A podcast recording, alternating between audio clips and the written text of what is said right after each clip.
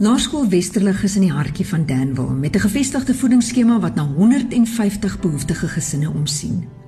Terwyl ons in die kombuis by Santi, Alice en Amanda kuier, vertel die skoolhoof meneer Erik Kloete dat hy daar was toe die kaste in 1997 ingebou is wat beteken die tender loving care van hierdie omgee kombuis dien al 23 jaar lank die kinders van Westerlig. Ons het gaan inloer by die skool om te hoor wat die impak van die inperking op hierdie span se liefdestaak is. Uh COVID-19 het het geweldig baie dinge verander en een van die goed wat dit verander het is die finansiële posisie van die skool ook. Maar hierdie finansiële posisie strek baie verder as net dit wat ons by die skool doen want dit raak die kinders, dit raak die gemeenskap en dit raak die kos wat hulle eet. Wanneer jy mens kyk na die behoeftes en die nood van ons kinders, dan weet ons verseker, dit wat ons in die lockdown periode ook gesien het, is dat hulle honger is. Nou ons kan die begrip en die woorde noem en sê 'n kind is honger, maar ek wil al die al die luisteraars uitdaag om werklik vir 'n oomblik te gaan stil staan en te kyk, maar wat beteken dit om honger te wees? As jy werklik op 'n dag langs die straat staan of in 'n huis is en jy het nie kos nie. Wat gebeur in jou liggaam? Hoe voel jy? Wat is die pynne? Waar is jou hoop vir die toekoms? Waar is die omgee van mense in so 'n geval.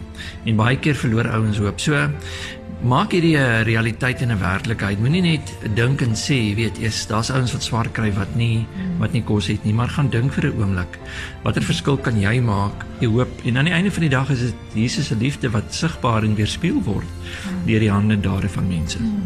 Ja, so vir baie mense is is honger ehm, 'n um, woord en 'n begrip soos jy sê, maar jy jy ken 'n gesiggie. Daar's 'n gesiggie wat by jou opkom en daar's 'n naam, daar's 'n kind, jy weet selfs hoe lyk hulle huis. Ehm um, in terme van jou voedingsskema wat hierdie kinders van die skool se kant af ondersteun, gee vir ons dalk net so 'n prentjie van hoeveel en hoe julle dit doen. Gedurende die wintertyd gewoonlik gee ons ten minste vir 150 gesinne gee ons kos en 150 kinders wat elke dag skool toe kom. Hulle kry pap in die oggende, hulle kry 'n warm ete gedurende die eerste pouse en dan kry hulle vrug en brood nog gedurende die tweede pouse en selfs na skool as hulle honger is, kry hulle kos. So daar is daar is werklik waar 'n groot behoefte. Ons ons sien dat kinders behoefte het. Ons sien dat hulle bakkie vir bakkie vir bakkie kom eet.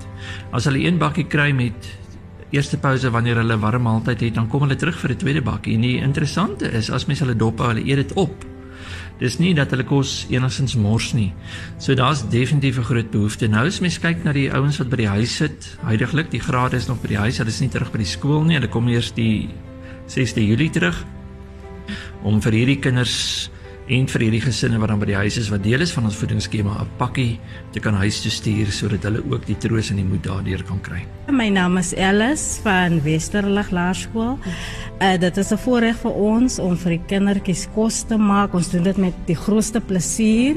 Ons het regtig baie baie kinders wat dit nodig het en ons sien hulle elke dag en ons ons is bewus van hulle en ons sê vir die Here dankie dat ons vir hulle elke dag ietsie kan voortsit. Antinorkie, ek werk al 10 jaar vir Laerskool Westerlig vir die noodvoeding. Dit is 10 uur gaan hulle makaroni met mint met gemengde groente eet. 12 uur gaan hulle as daar kosies oor is, gaan hulle dit ook eet. As ons vrugte het, gee ons dit vir tweede pouse. En dan baie keer kom maar kindertjies na skool as hulle honger is en ons het 'n broodjie, dan gee ons hulle 'n broodjie om te eet.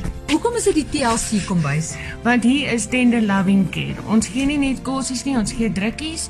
Ons help met noodhulp, dis so as hulle 'n seer plekkie het of hulle is siek, dan gee ons vir hulle liefde om beter te voel.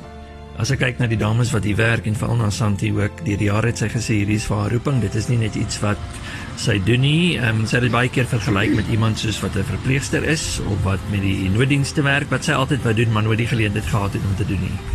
Maak nie net steertjies gesond nie, ek maak magies op vol. Dis mooi.